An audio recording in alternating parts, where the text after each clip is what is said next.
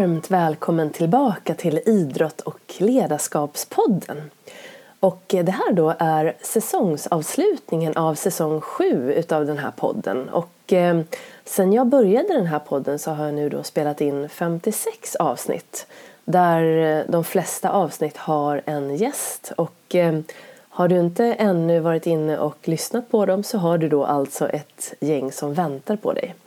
Och och eh, syftet med podden är att sprida kunskap och inspiration från alla de här profilerna då, som kommer ifrån idrott och eh, idrottsvärlden och näringslivet men också från hälsobranschen.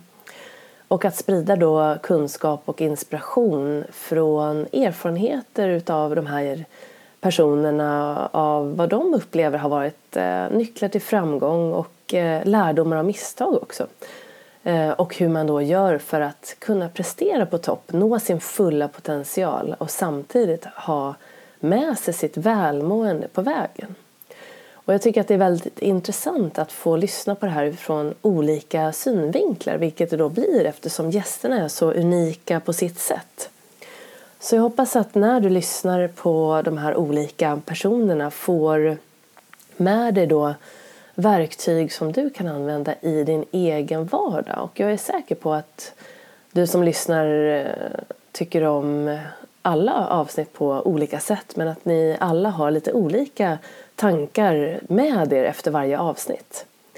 Så in och kika om du hittar någon favorit till att börja med. Och eh, i det här avsnittet så tänkte jag då prata lite om eh, det här året som har gått när det gäller podden och gästerna som har varit med och vad som har hänt lite på vägen.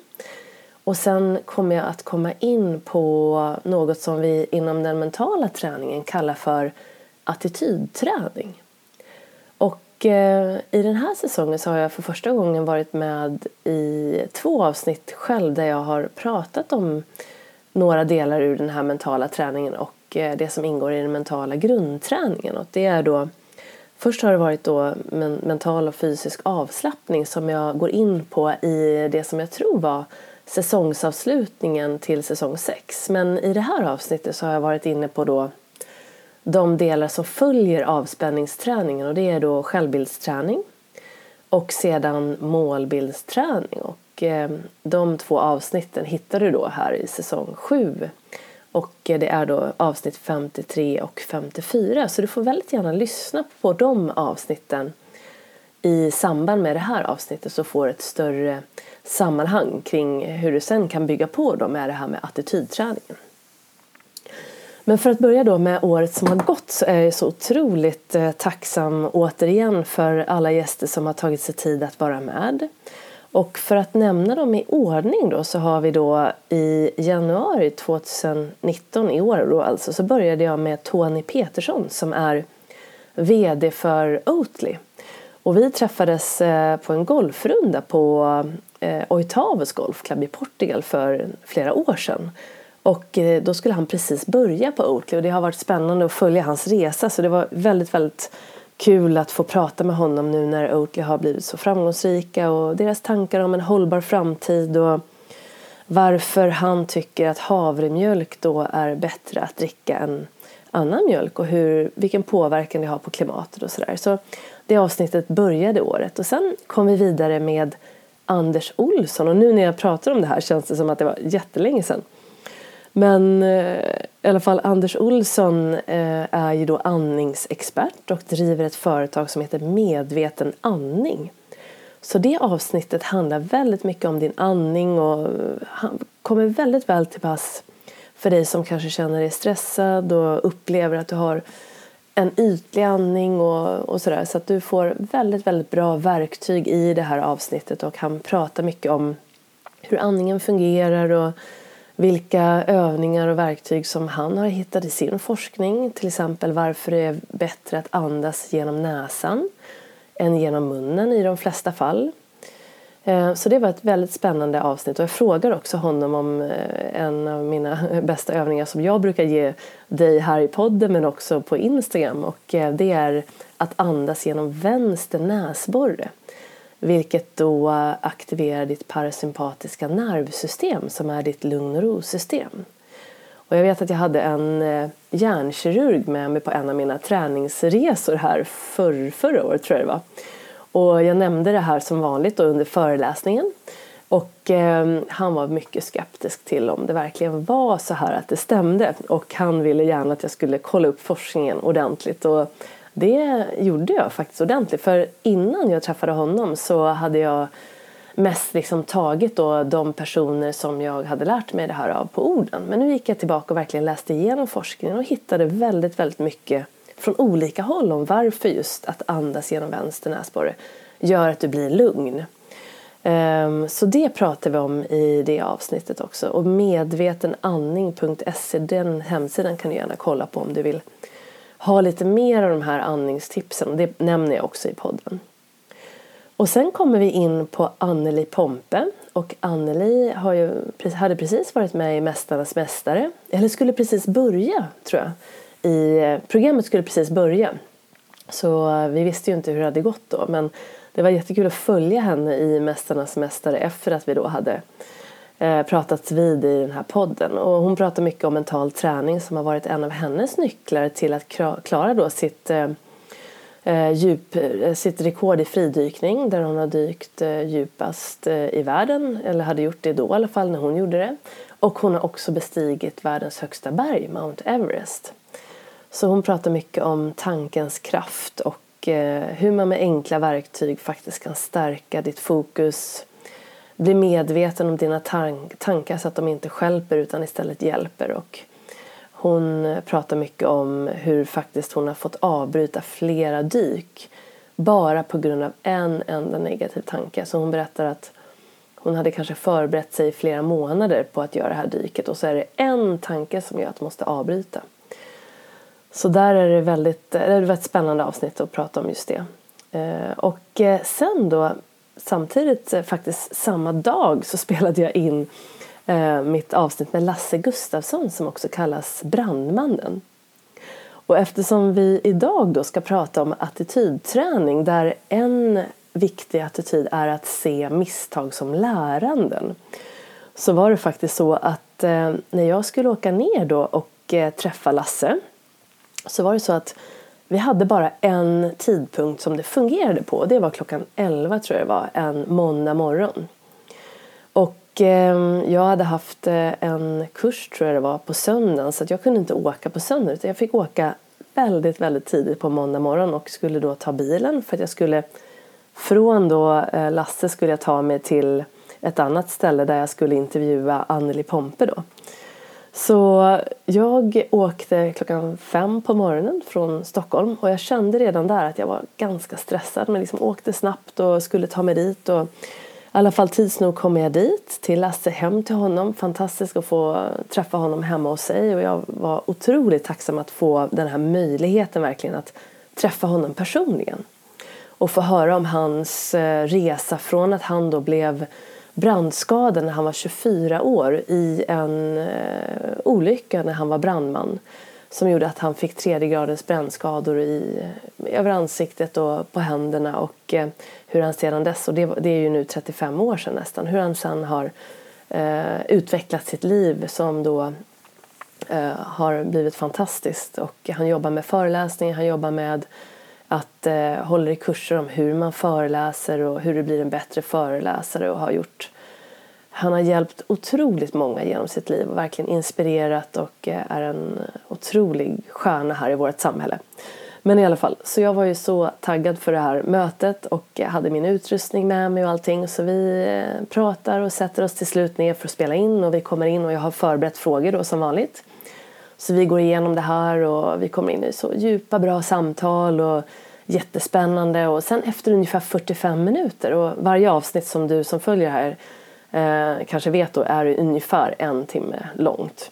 Så efter 45 minuter så tittar jag på min telefon då, som, som jag har som en av utrustningen och då stannar den. Och jag tänker, ah, ja men okej det måste bara ha varit något att det bara ah, bröts på något sätt. Så jag liksom ska försöka sätta på den igen och Lasse bara, ah, ja men det är bara, det kan, ah, vi, vi fortsätter där vi var. Så jag försöker stänga av men då visar det sig att hela telefonen är helt död. Eh, det händer ingenting så jag måste då stänga programmet för att starta om programmet. Och när jag då startar om programmet så är hela avsnittet helt borta. Ja, helt sanslöst. Så jag bara, men någonstans måste det ju vara sparat alltså. Men nej då, fanns ingenstans. Så hela den här, den här liksom stunden då som var väldigt så här, otroligt tankeväckande, fantastiska reflektioner och bra samtal, helt borta. Och då tänkte jag direkt så här, så pinsamt då. Den här fantastiska mannen som har hur mycket som helst att göra och jag har kommit ner och liksom stressat för att komma hit och så bara skiter sig allt. Men eftersom vi då har pratat om mental träning, vi har pratat om just det här med attityd så säger Lasse, stor sint som han är, bara Ja Jenny, du ska veta att det här med tekniken, jag har haft så mycket tv-bolag här och det är alltid något med tekniken som strular och nu har vi precis pratat om det att allt som händer har alltid något lärande med sig. Så nu gör vi bara så här att vi stryker ett streck över det här och vi bestämde liksom att vi, vi gör inte om allting från början för det skulle ta så mycket energi och det skulle inte bli likadant utan vi bestämde att vi bokar in ett nytt, en ny träff istället. Så till slut efter då att vi sa hej då så åker jag därifrån och eh, får liksom bara, ja, det här var intressant. Och eh, det slutade med att vi bokade in, den här gången blev det då ett eh, Facetime, eller ett Skype-samtal från Stockholm och då gjorde jag det i min studio så då eh, blev det bra i alla fall. Men det var ju väldigt, väldigt jobbigt när det väl hände. Eh, så det här med att eh, efter det då, att lita på tekniken har ju varit ganska svårt men jag har jobbat med tilliten och sen dess har det fungerat och det känns alltid lättare nu för nu vet jag att även om det värsta som jag kan tänka mig kan hända då att allting bryts så kan man alltid göra om det. Och det jag lärde mig var ju då att jag ska tömma telefonen på alla videofilmer och eh, bilder och se till så att jag har bra utrymme för det var då det som var problemet. Så jag hade då raderat mina filmer och bilder och allting men de hade sparats på ett annat ställe så tydligen så måste man då gå in och radera där också. Och det visste inte jag och då hade jag en telefon som inte hade så jättestort minne heller. Så det var det jag lärde mig, att alltid se till så att utrustningen är tipptopp eh, och vara ännu mer väl förberedd. Så det var Lasse Gustafsson och det han också kommer in på, precis som Anneli gjorde i sitt avsnitt, det var det här med hur stark och hur jobbigt kroppen har det när vi tänker negativt och hur svårt det är för kroppen att hjälpa oss då. Och vi kanske inte märker det om du inte är, liksom, om du är frisk och bara välfungerande i din vardag när vi har mycket brus och det händer saker. Tankarna finns där, eh, även de negativa och kanske ännu mer de negativa. Men vi, vi märker inte hur kroppen mår av dem riktigt. Men som Lasse då, som Anneli nämnde ju då hur det kändes för henne när hon dök och där blir det ju helt tyst så att tankarna blir så otroligt klara och tydliga. Så det var ju på grund av att hon hade tränat mycket då, mental träning, men också för att hon var i den här tysta miljön så märkte hon då när en negativ tanke kom och hur kroppen reagerade. Vilket gjorde att hon behövde då avbryta sitt dyk. Och Lasse berättade på ett annat sätt och det var ju då efter sin olycka där han blev brandskadad och det var då att han hade, varit, han hade en dröm av att vara brandman och eh, efter en vecka då när han väl hade blivit brandman så rycker han ut på ett jobb och han har en kollega med sig och det blir en gasexplosion och eh, de fastnar i den, i den här eh, liksom i den här branden verkligen. Men han klarar sig och eh, hamnar på sjukhus i koma. Ehm, hans kollega dog. Och när han var på sjukhuset och vaknade upp då hade de sytt igen hans ögonlock för att skydda ögonen. Och han berättar då att han vaknade och kände ju då att det gjorde så ont och sjuksköterskorna berättade och läkarna berättade vad som hade hänt och det var ju otroligt tragiskt och ett trauma såklart och han berättade då att han eh, märkte ju då att han hade så otroligt ont men det han märkte också var att så fort när han tänkte då på det här att hur kunde det här hända mig? Jag som bara har varit brandman i en vecka eller varför var det min kollega som dog och inte jag? Sådana här fantastiskt, otroligt jobbiga tankar. Då märkte han att det gjorde helt enkelt så ont i kroppen av de skador han hade så att han blev helt enkelt instinktivt tvingad att börja ändra sitt tankesätt och tänka på någonting annat, någonting mer positivt istället. Och då hittade han då en, en bild av när han skulle vandra i Sarek. Det hade han gjort tidigare.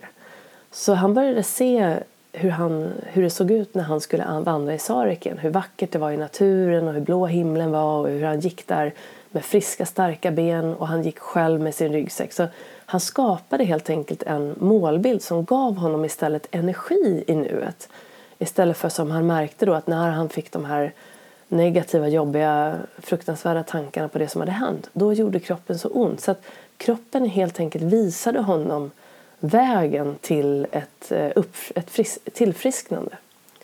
Så där förstod han verkligen hur viktigt det är att försöka att eh, vad ska man säga, lära sig hantera de här negativa tankarna och ersätta dem och jobba med positiva målbilder som kan ge motivation och energi istället. Så det tyckte jag var fantastiskt intressant att lyssna från hans sida. Och sen då har vi Caroline Moore för detta Larsson som också var med i säsong 6. Och eh, Caroline är, har varit golfproffs och ehm, eh, vi pratar mycket om golf. Och hon har också en, eh, en historia av ett trauma. Hon har nämligen behövt eh, amputera ett ben. Så hon har bara ett ben. Och hur hon, hennes resa tillbaka från då att hon fick amputera det här och till att hon idag då har tillfrisknat eh, 110 procent och verkligen lever sitt drömliv och eh, hur hon har eh, gjort den här resan och vad hon har lärt sig på vägen. Och, eh, hon är också föreläsare och eh, som sagt spelar golf eh, på nästan en bättre nivå som hon säger än innan, äh, innan hennes eh, amputation. Då. Amputering heter det. Så du får jättegärna gå in och lyssna på dem som finns då under säsong 6. Och sen i säsong 7 då så startar vi upp lite mer idrottsinriktat med Tony Gustavsson som då var coach, assisterande coach för det amerikanska landslaget som vann VM då um, i år. Så det var ju fantastiskt att träffa honom i september. Och jag och Tony träffades i USA när vi gick på college tillsammans.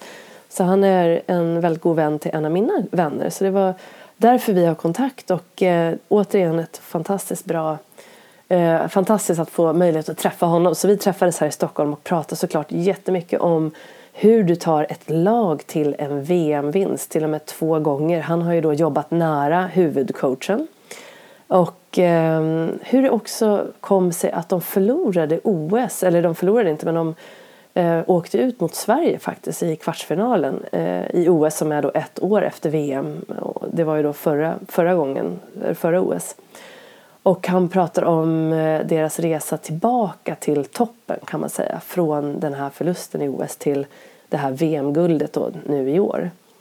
Och han pratar mycket om vad han tror är viktigt eh, när det gäller att leda ett lag framåt oavsett om det är då ett företag eller ett eh, fotbollslag och hur du får bort statusen i ett eh, lag eh, som då kan verkligen, verkligen förstöra lagkänslan redan i tidiga åldrar. Så vi kommer in mycket på faktiskt det här med ungdomsträning och han ger väldigt bra infallsvinklar till hur du som tränare eller som ledare för barn och ungdomar kan jobba för att just få bort den här statusen så att man lär sig hitta andra delar eh, så att det blir en mycket mer harmonisk och bra miljö för alla barn och ungdomar att växa in i.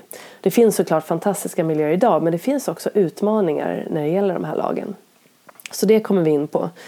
Ehm, och ehm, som sagt mycket ledarkunskaper och ehm, Tony kommer in på varför han också anlitar en egen coach inför VM som också jobbade med helheten faktiskt precis som jag gör. Så att han hade en coach som jobbade med både det mentala, det fysiska, eh, lärde honom meditation och så vidare för att kunna vara sitt allra, på allra, allra bästa nivå inför VM. Då.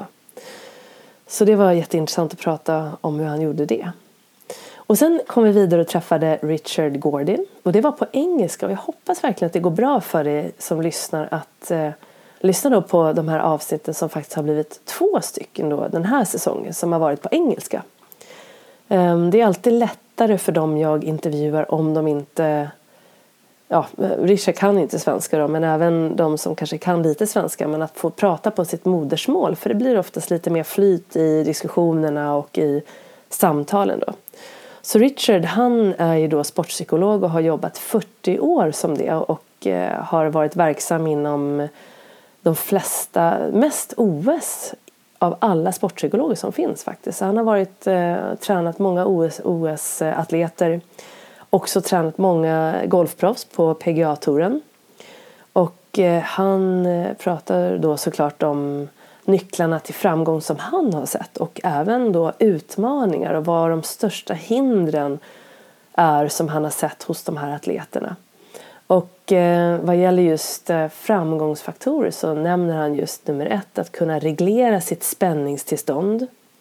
Och det är det som man gör eh, apropå den första delen av den mentala grundträningen, att lära sig mental och fysisk avslappning. Det är det man jobbar med då, att lära sig reglera sitt spänningstillstånd så att du kan känna igen kroppen när den blir för spänd eller när den blir för låg eller för lugn kan man säga. Så att du kan reglera det där själv så att du kommer in i det tillstånd du behöver för att kunna prestera på topp när just du behöver det. Så att det kan vara inför en tävling, kanske inför ett viktigt möte på jobbet eller inför en föreläsning eller inför en släktträff eller vad som helst där du verkligen har väldigt stor nytta av det här. Så det lär du dig då i, i den mentala träningen och han pratar då om att det är då en av nycklarna hos de här OS-atleterna som är framgångsrika och eh, nummer två är då att kunna mest, bli en mästare över sina tankar.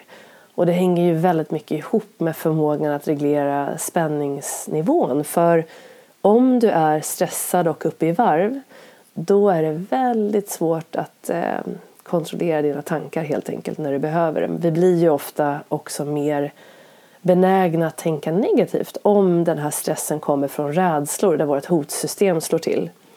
Då är det svårt för oss att fokusera på något annat än att då fly därifrån, stanna och fäktas och strida eller spela döda.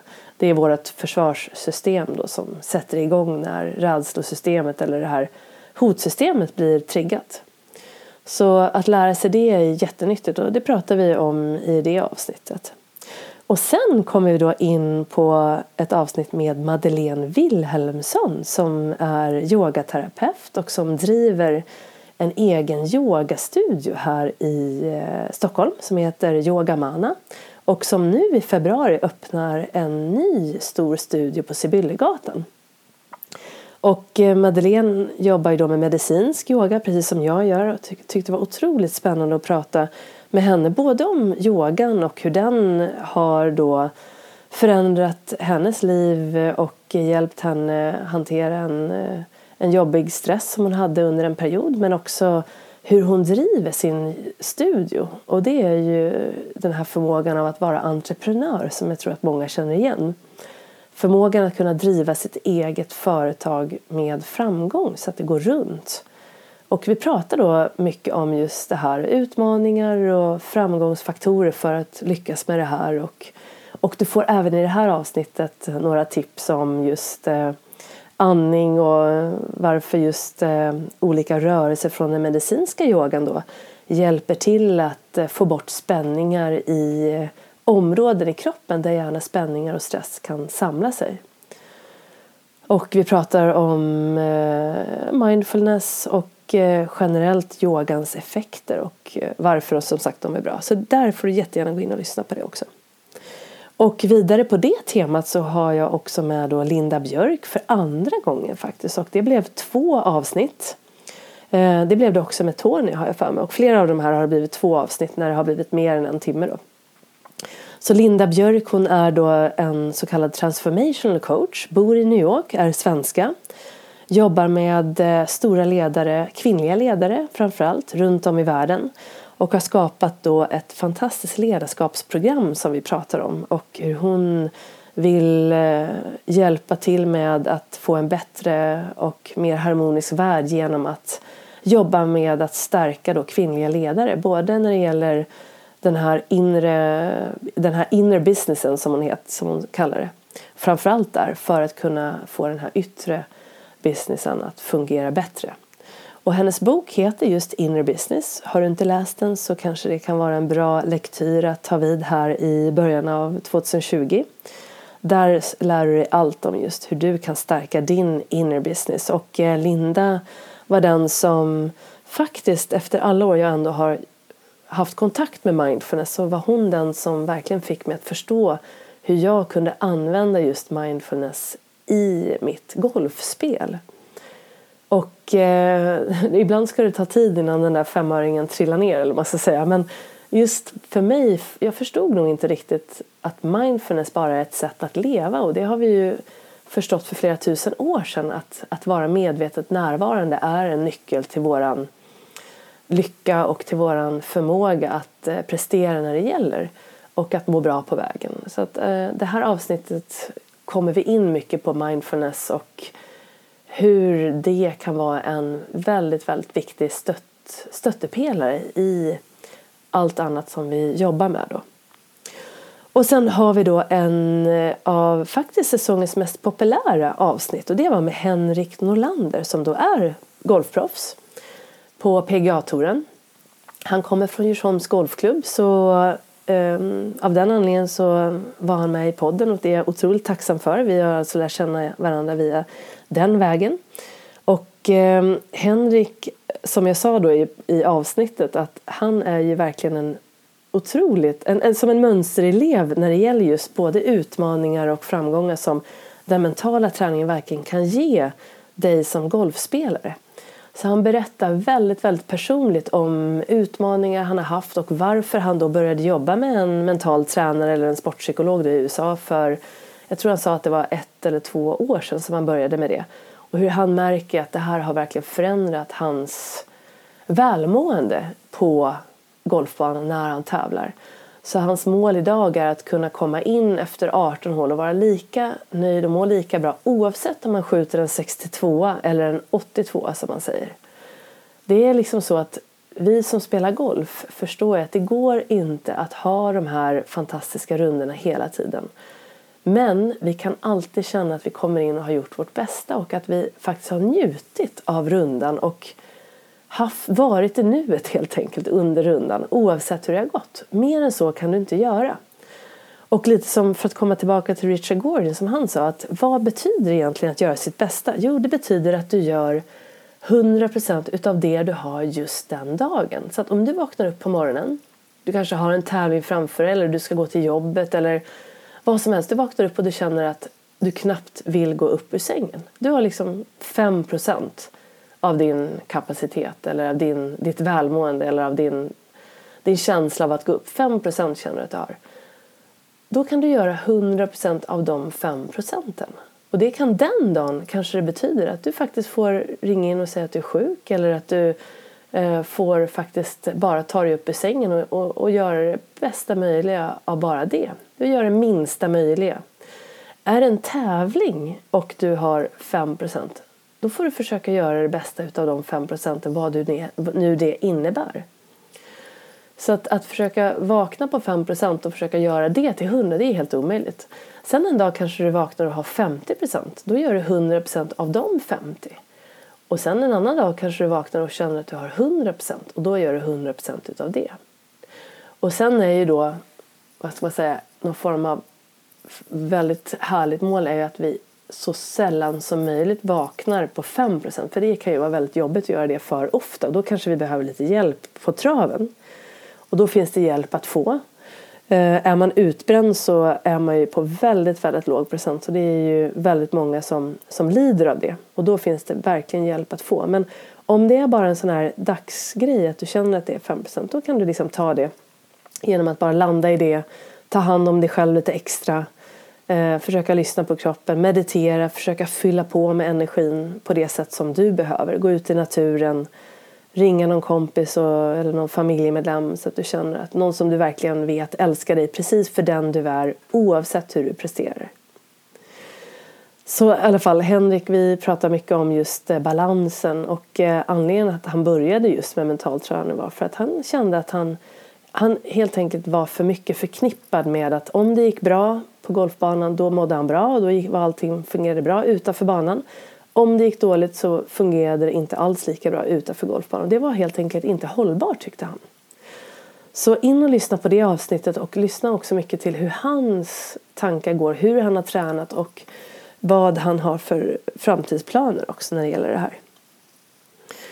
Och sen då kommer jag in och har två avsnitt om självbildsträning och målbildsträning som jag precis började berätta om i början av avsnittet. För att sen avsluta två avsnitt först med Brian Fitkin som är karatemästare och som har både varit eh, eh, karateutövare själv, eh, vunnit VM och varit en av världens bästa men också sedan varit lärare och som driver sin egen dojo då i, på Söder i Stockholm på Södermannagatan. Och eh, där tränade jag när jag eh, var proffs och eh, då var det faktiskt boxning jag höll på med. Han har en, en session varje vecka som heter Kick and box. och, ehm, så det var inte karate jag gjorde med honom men han har den för att med lite inslag av karate och just boxning tyckte jag var så otroligt bra för att öka explosiviteten i mitt, min kropp då för att kunna slå längre framförallt. Så jag tränade med Brian och eh, sedan kom jag ju på att eh, han självklart skulle ju vara med i min podd. Så jag hörde av mig till honom och eh, vet ju att han har levt ett otroligt spännande liv och ville höra mer om hans tankar som kommer då från filosofin kring eh, karaten. Så vi pratar mycket, eller Brian berättar mycket om vad det betyder och eh, hur karaten är en resa i självkännedom. Och eh, det här med fokus, hur man tränar upp det och varför det finns eller inte finns. Och det var ett väldigt, väldigt spännande avsnitt tycker jag som jag också verkligen kan rekommendera. Och sen avslutade jag då eh, säsong 7 med Anna Bäck som är VD för Kivra. Och Kivra är då ett utav Sveriges mest växande företag just nu och de jobbar mycket, mycket med hållbarhet både för människor och planet. Och eh, jag vet inte hur många träd de sparar genom att då eh, ha de här digitala brevlådorna istället för att jobba med papper. Och nu kommer de snart gå in i kvittobranschen också. Och det avsnittet tycker jag var extremt och väldigt positivt och optimistiskt när det gäller just vårt klimat och eh, våran vikten av att bara hitta hoppfullhet och framtidstro och det var väldigt bekymrande när jag fick höra av Anna då efter en undersökning som hon hade tagit del av att Sverige ligger väldigt, väldigt lågt ner när det gäller vår förmåga till framtidstro. Så vi har alltså tydligen en väldigt låg framtidstro jämfört med resten av världen. Och det kan man ju tänka att det är för att vi har det så pass bra men det är synd om vi ska stagnera bara för att vi har det bra.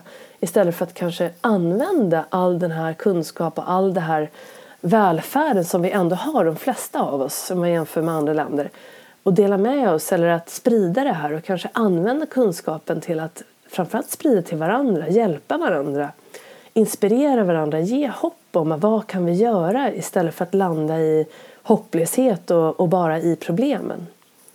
Så det var väldigt spännande och där får man att tänka på Lars-Erik Unestål som jag också har med i podden, inte i, de, i det här året men tidigare då i fyra avsnitt. Och jag eh, frågar honom mycket om det här med framtidstro och han nämner ofta det här med hur våra nyheter påverkar oss där redan på den tiden när han mätte då han eh, gjorde en analys på hur mycket nyheter som var negativa kontra positiva och upplevde då, eller gjorde en en statistiken var 93 procent eh, negativa nyheter när man gick igenom det man hör på nyheterna och det man läser när det gäller våra allmänna, de största nyhetskanalerna. Och eh, det är inte bättre idag. Det fortfarande ligger på nästan 90 procent av allt vi hör är väldigt negativt. Och då berättar Anna att SVT är en av de kanaler som vill förändra detta och jag hoppas och ser med stor förhoppning framåt 2020 och framåt att det kommer bli förändring så att det blir större balans, så att vi förstår vad vi kan göra och att vi också ser vad som görs eh, för att försöka ändra våran riktning helt enkelt framåt. Ehm, nu vet vi vad vi har gjort fel, vi vet hur problemet ser ut men jag tror att få vet vad som görs och vi tror inte att det är någon idé verkar det som eftersom vi har en viss som sagt hopplöshet ofta när det gäller just klimatet. Så in och lyssna på det. Ehm, och eh, då tänkte jag att vi skulle gå in på det här med attitydträning för att just det här som vi pratar om nu, nu att inte ha någon framtidstro, det är ju också en attityd som kommer ifrån dig själv. Du påverkar din syn av världen och det, din syn av världen kommer att påverkas av det du har varit med om, dina erfarenheter, det du läser och allting. Och det kan vara helt annorlunda från någon som sitter bredvid dig som kommer utifrån en helt annan eh, vinkel på grund av vad den personen har upplevt och erfarit. Det är därför vi brukar säga att var och en av oss alla har en egen verklighet. Vi uppfattar alltså saker oftast på olika sätt och vi får mycket, mycket, mycket eh, vad ska man säga, eh, dömande attityder Eh, Eh, på grund av olika anledningar. Så att, eh, att träna på sin attityd för att göra det mer positiv, det kanske inte är helt det rätta ordet här utan attitydträning innebär att du hjälper dig själv att eh, hitta mer stärkande tankar till den större delen av tiden. Så det betyder alltså inte att man ska ignorera och liksom vad ska man säga, sopa under mattan problem som finns utan det betyder att man ser problemen rakt i vitögat. Man ser problemen, man ser att de finns där för att därefter kunna se vad kan jag göra åt det här. Så att problem är egentligen inte problem utan det är utmaningar eller det är uppgifter som ska lösas helt enkelt. Så förr eller senare så är det alltid viktigt att vi låter de här negativa tankarna försvinna. De, får, de kanske får vara det, men vi ska inte ha dem så att de ger dig eller så att de tar kraft ifrån dig. Precis som jag nämnde med Lasse Gustafsson och Anneli Pompe. Låt inte de här negativa tankarna finnas kvar för länge. För de suger ut e- energi ifrån dig så att du inte får någon kraft att göra vettiga saker. Du kommer framför allt inte att må bra av det. Så som du vet då, så skrev jag en bok här för eh, ett och ett halvt år sedan ungefär. Och det är då eh, en bok om helhetsträning för golfare som heter Stolt, stark och säker. Och i den, då, i den mentala träningsdelen så finns det verktyg som passar alla oavsett om du är golfare eller ej. Så här har jag då tagit med grunderna i mental träning och det är då avspänningsträning, självbildsträning och målbildsträning. Och sen kommer jag ju då in på styrk, den mentala styrketräningen och där kommer attitydträningen in. Så för att kunna vad ska man säga, eh, få dig att ja, få en positiv eller en stärkande attityd så behöver du först gå igenom så att du ser till så att du kan reglera ditt spänningstillstånd så att du alltså har en avspänningsträning i grunden. Eh, här säger forskningen 7 15 minuter per dag är bra att lägga ner på någon form av eh, träning för att lugna ner nervsystemet och balansera hjärnhalvorna och lugna ner kroppen helt enkelt, kropp och sinne. Och här kan du då till exempel göra andningsövningar eller jobba med yoga eller kanske gå ut för mental avslappning i naturen eller ja, du gör det du behöver helt enkelt. Och sen jobba med självbildsträning så att du stärker din självbild så att du får upp din tro på dig själv så att du förstår att du inte är din prestation, att du är bra som du är, att du har allt du behöver inom dig. Bara du låter det vara och att du litar på att du kan. Så det behöver vi också träna upp för det mesta. Den, den typen av attityd som då också egentligen är en attityd. Och sen är det det här med målbildsträning, att vi har en riktning eller att jag har någon form av intention eller någon form av fokus som du kan rikta in din uppmärksamhet till. Och ett fokus kan vara att jag vill vara harmoniskt lugn. Att jag vill känna mig tillfreds. Att jag vill, kan vara prestation, kan det vara. Att jag vill kanske nå ett visst handikapp när det gäller golfen inför nästa säsong. Eller det kan ha med att du vill vara mer glad på golfbanan. Eller att du vill kunna andas bra under en hel runda. Eller du vill andas bra under en hel dag på jobbet.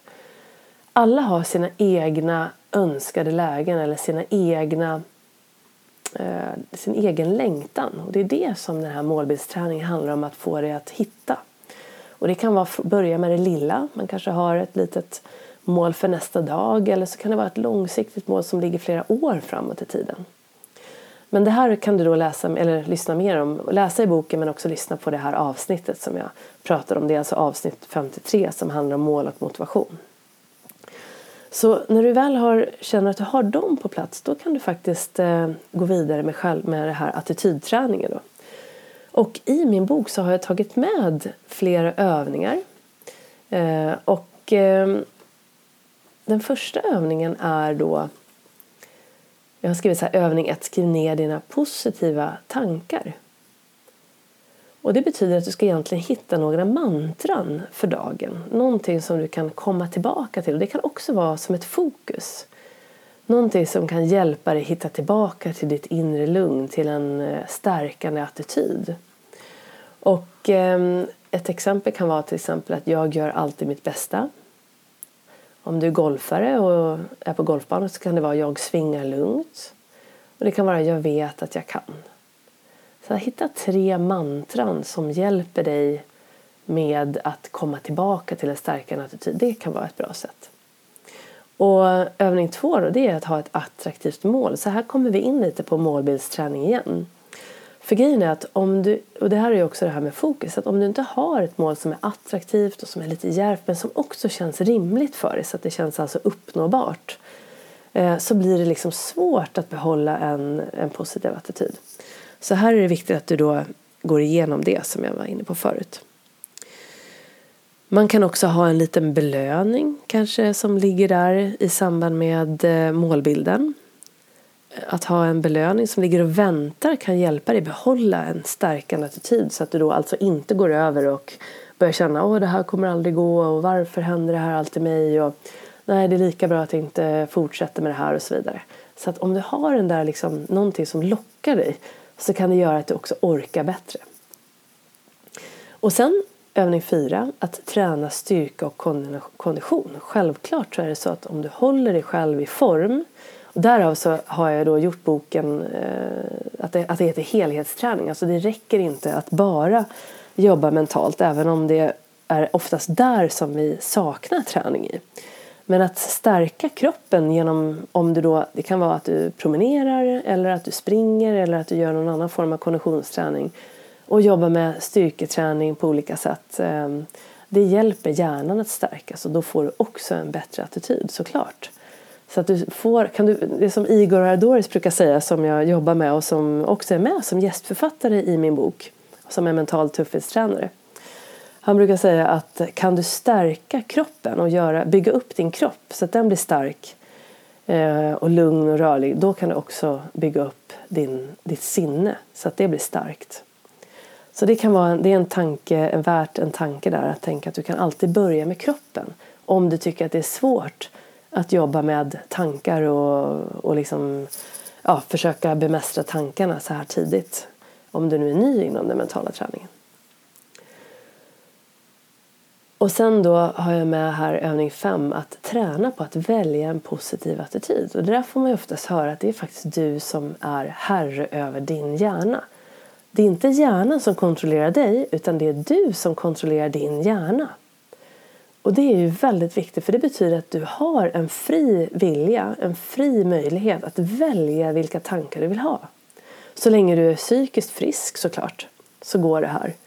Så att du behöver inte låta dig styras av tankar. och En tanke blir en känsla som blir en tanke som blir en känsla. Det är som ett tanke och känslohjul som går runt, runt, runt, runt. Och är det då en negativ tanke som dyker upp då blir det ju då en negativ känsla.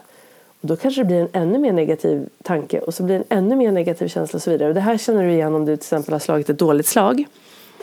Det kan till och med vara så att du har kommit till ett hål där du tidigare har slagit massa bollar i vattnet. Och så kommer du till det här hålet och så känner du igen så här, ja ah, nu kommer jag slå i vattnet. Nu kommer jag verkligen slå i vattnet. Och då får du en känsla av oro, tänk om jag slår i vattnet. Ja, ah, nej nu kommer det verkligen. Och så är det igång. Och i det tillståndet är det ju jättesvårt att slå ett slag som ska upp på grinen. Du har massa minnen av att du har slagit i vattnet och eh, du börjar nu tänka på det och känslorna stödjer det här också. Så att du är inne i det här negativa tankekänslohjulet och då gäller det att bryta det. Och det här kan man då göra genom träning och genom att bestämma dig för vad du ska fokusera på istället. Och då är det ju då så att du förhoppningsvis har bestämt dig innan då vart du vill landa bollen då, till exempel på grinen på ett specifikt ställe.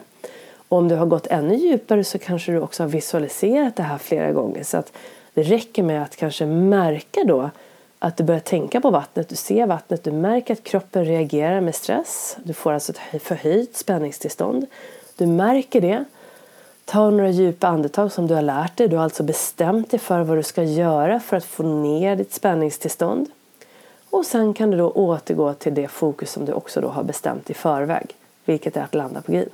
Och helt plötsligt kommer du kunna göra en lugn sving och landa på green istället för att låta tankarna, känslorna göra att du slår i vattnet igen. Så förstår du nu att det här kan du lära dig att bemästra din egen, eh, dina egna tankar men också kroppen för att kunna prestera när du behöver det. Och I det här fallet så pratade jag då om en prestation att slå upp en boll på en green. Det kan också vara att du behöver bemästra det här på jobbet. Du kanske känner att du har supersvårt att gå till jobbet. Du kanske bara känner att nej, jag vill bara liksom byta jobb eller du, du har en superkass period verkligen. Och då gäller det att, att märka det här och försöka att till slut göra någonting åt det. Och då kan du då välja att, och här kan du då alltid som, såklart be om hjälp för det här är inte alltid lätt i början. Men att då välja en positiv attityd eller om jag skulle ändra det där kanske till en stärkande attityd. Så det betyder alltså inte att du förtränger dåliga saker som händer eller att du går runt och är glad och skrattar hela tiden. Utan att ha en positiv attityd betyder då alltså att du ser misstag som lärdomar och att det inte alltså finns några misslyckanden och att du tränar på att ha en positiv attityd när du behöver det. Men för att balansera det här lite grann så har jag då övning 6 och det betyder att välja en mindful attityd eller en, en, en, eh, en av de här nio attityderna som finns inom MBSR som heter Mindfulness Based Stress Reduction. Det är alltså den äldsta och mest välkända metoden när det gäller dig som vill träna mindfulness. Och eh, jag tycker då att det kan kännas ganska jobbigt ibland att känna så här, åh jag ska vara så positiv och nu ska jag tänka och jag får inte tänka negativt och hur ska det här gå till? Och liksom, det är ju bra att tänka negativt kanske du tänker. Jag, jag kan ju inte alltid bara gå runt och tycka att allt är bra hela tiden. Nej precis, det stämmer ju. Livet går upp och ner. Oavsett om det är under en runda. Jag tycker att en golfrunda generellt visar verkligen hur livet är. Ibland slår man out of bounds och då får man liksom göra det bästa man kan av det. Man kan inte göra något åt att det händer, det bara händer. Men du får ta en ny boll och så slår du ett nytt slag och den kanske hamnar på fairway. Då är du på banan igen. Så det går liksom upp och ner i dagarna, under livet, generellt. Och självklart så är det alltid bra, precis som vi, som jag pratade om när det gäller Lasse Gustafsson då, som pratade om hur negativa tankar verkligen inte är bra för kroppen under en längre period.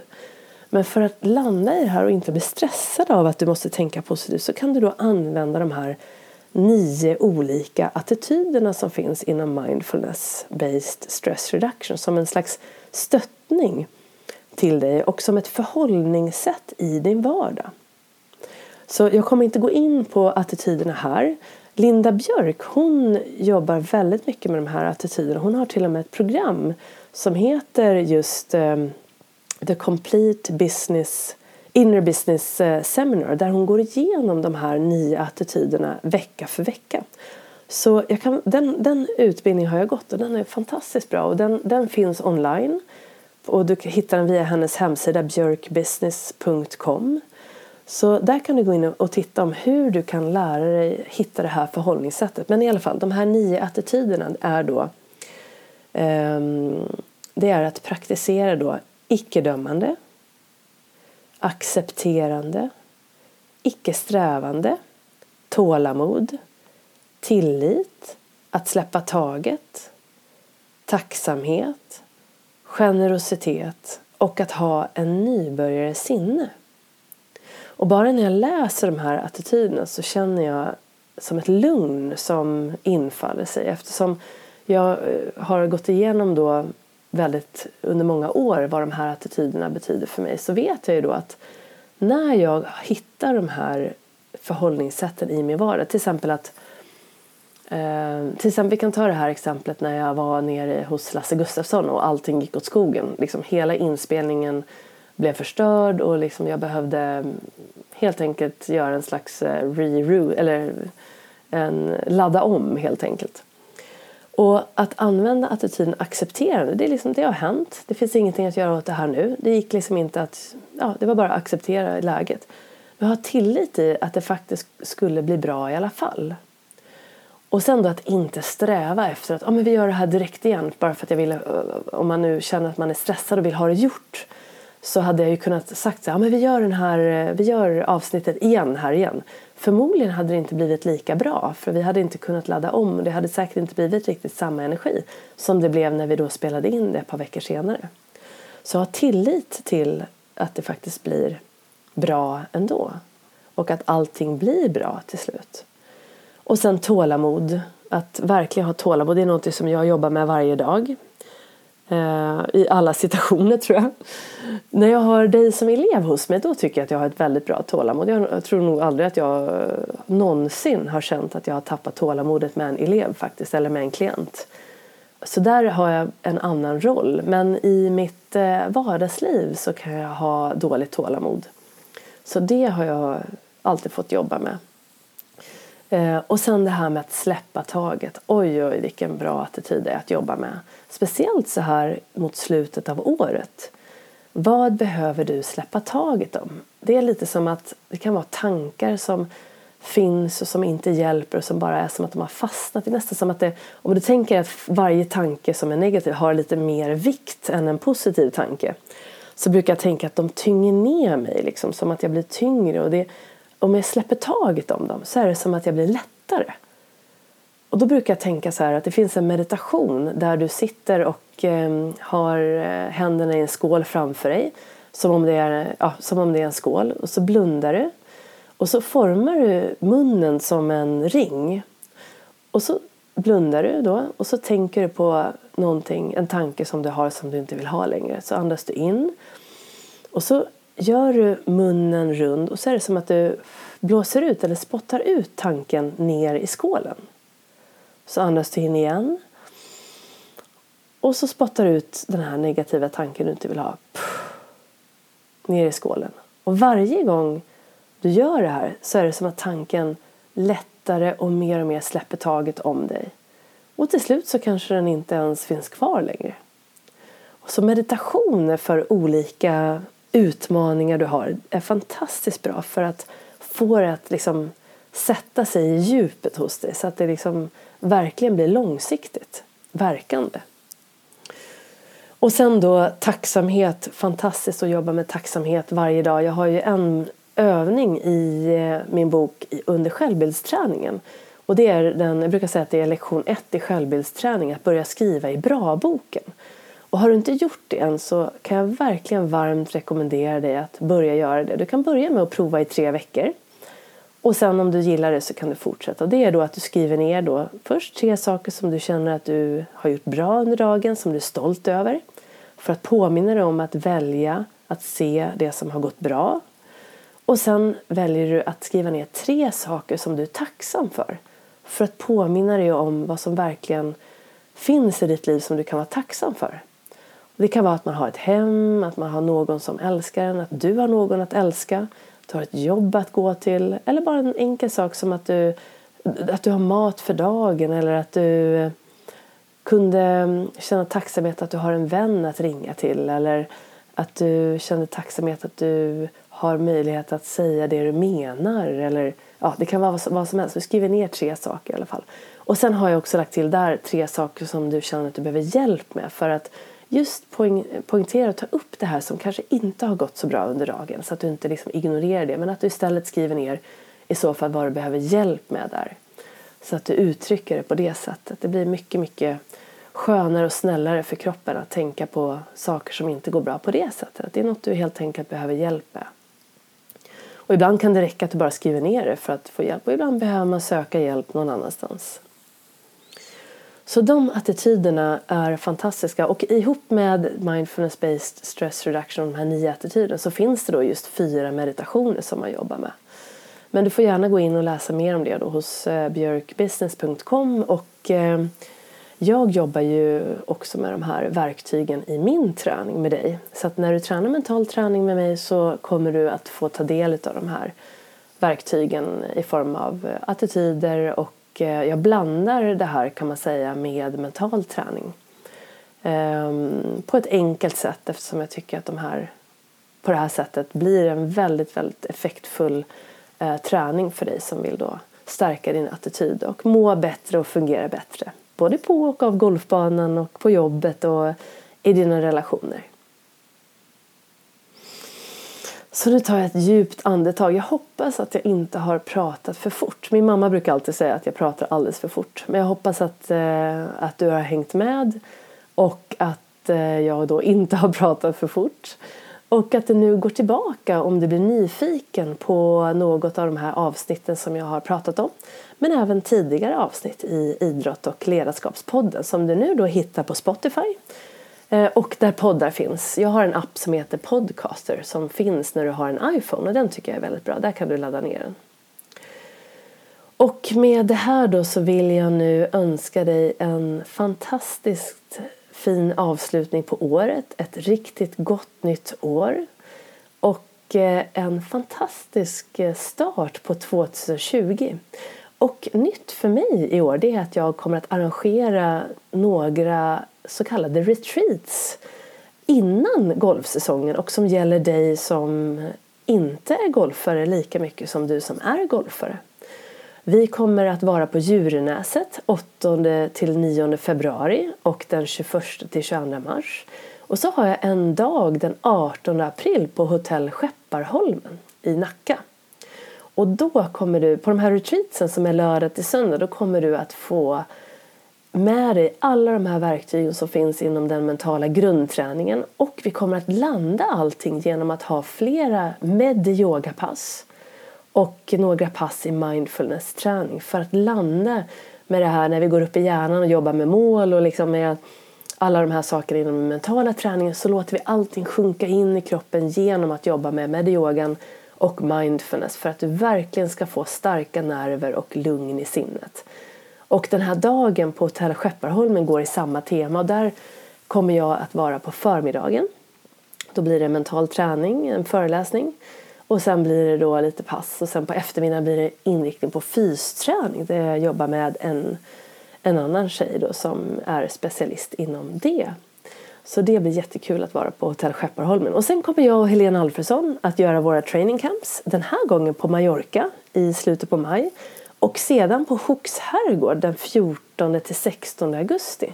Så om du inte har möjlighet att hänga med oss utomlands så är du välkommen till Hooks herrgård.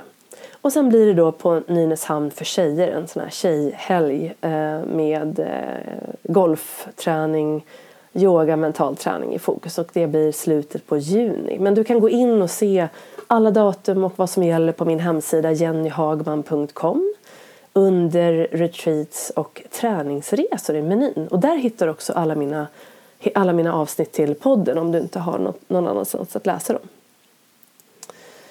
Så ta hand om dig och glöm inte att du är helt fantastisk precis som du är och landa i det nu här de här sista dagarna av året och så önskar jag dig en fortsatt riktigt, riktigt härlig dag eller kväll. Vi ses snart igen. Hej då!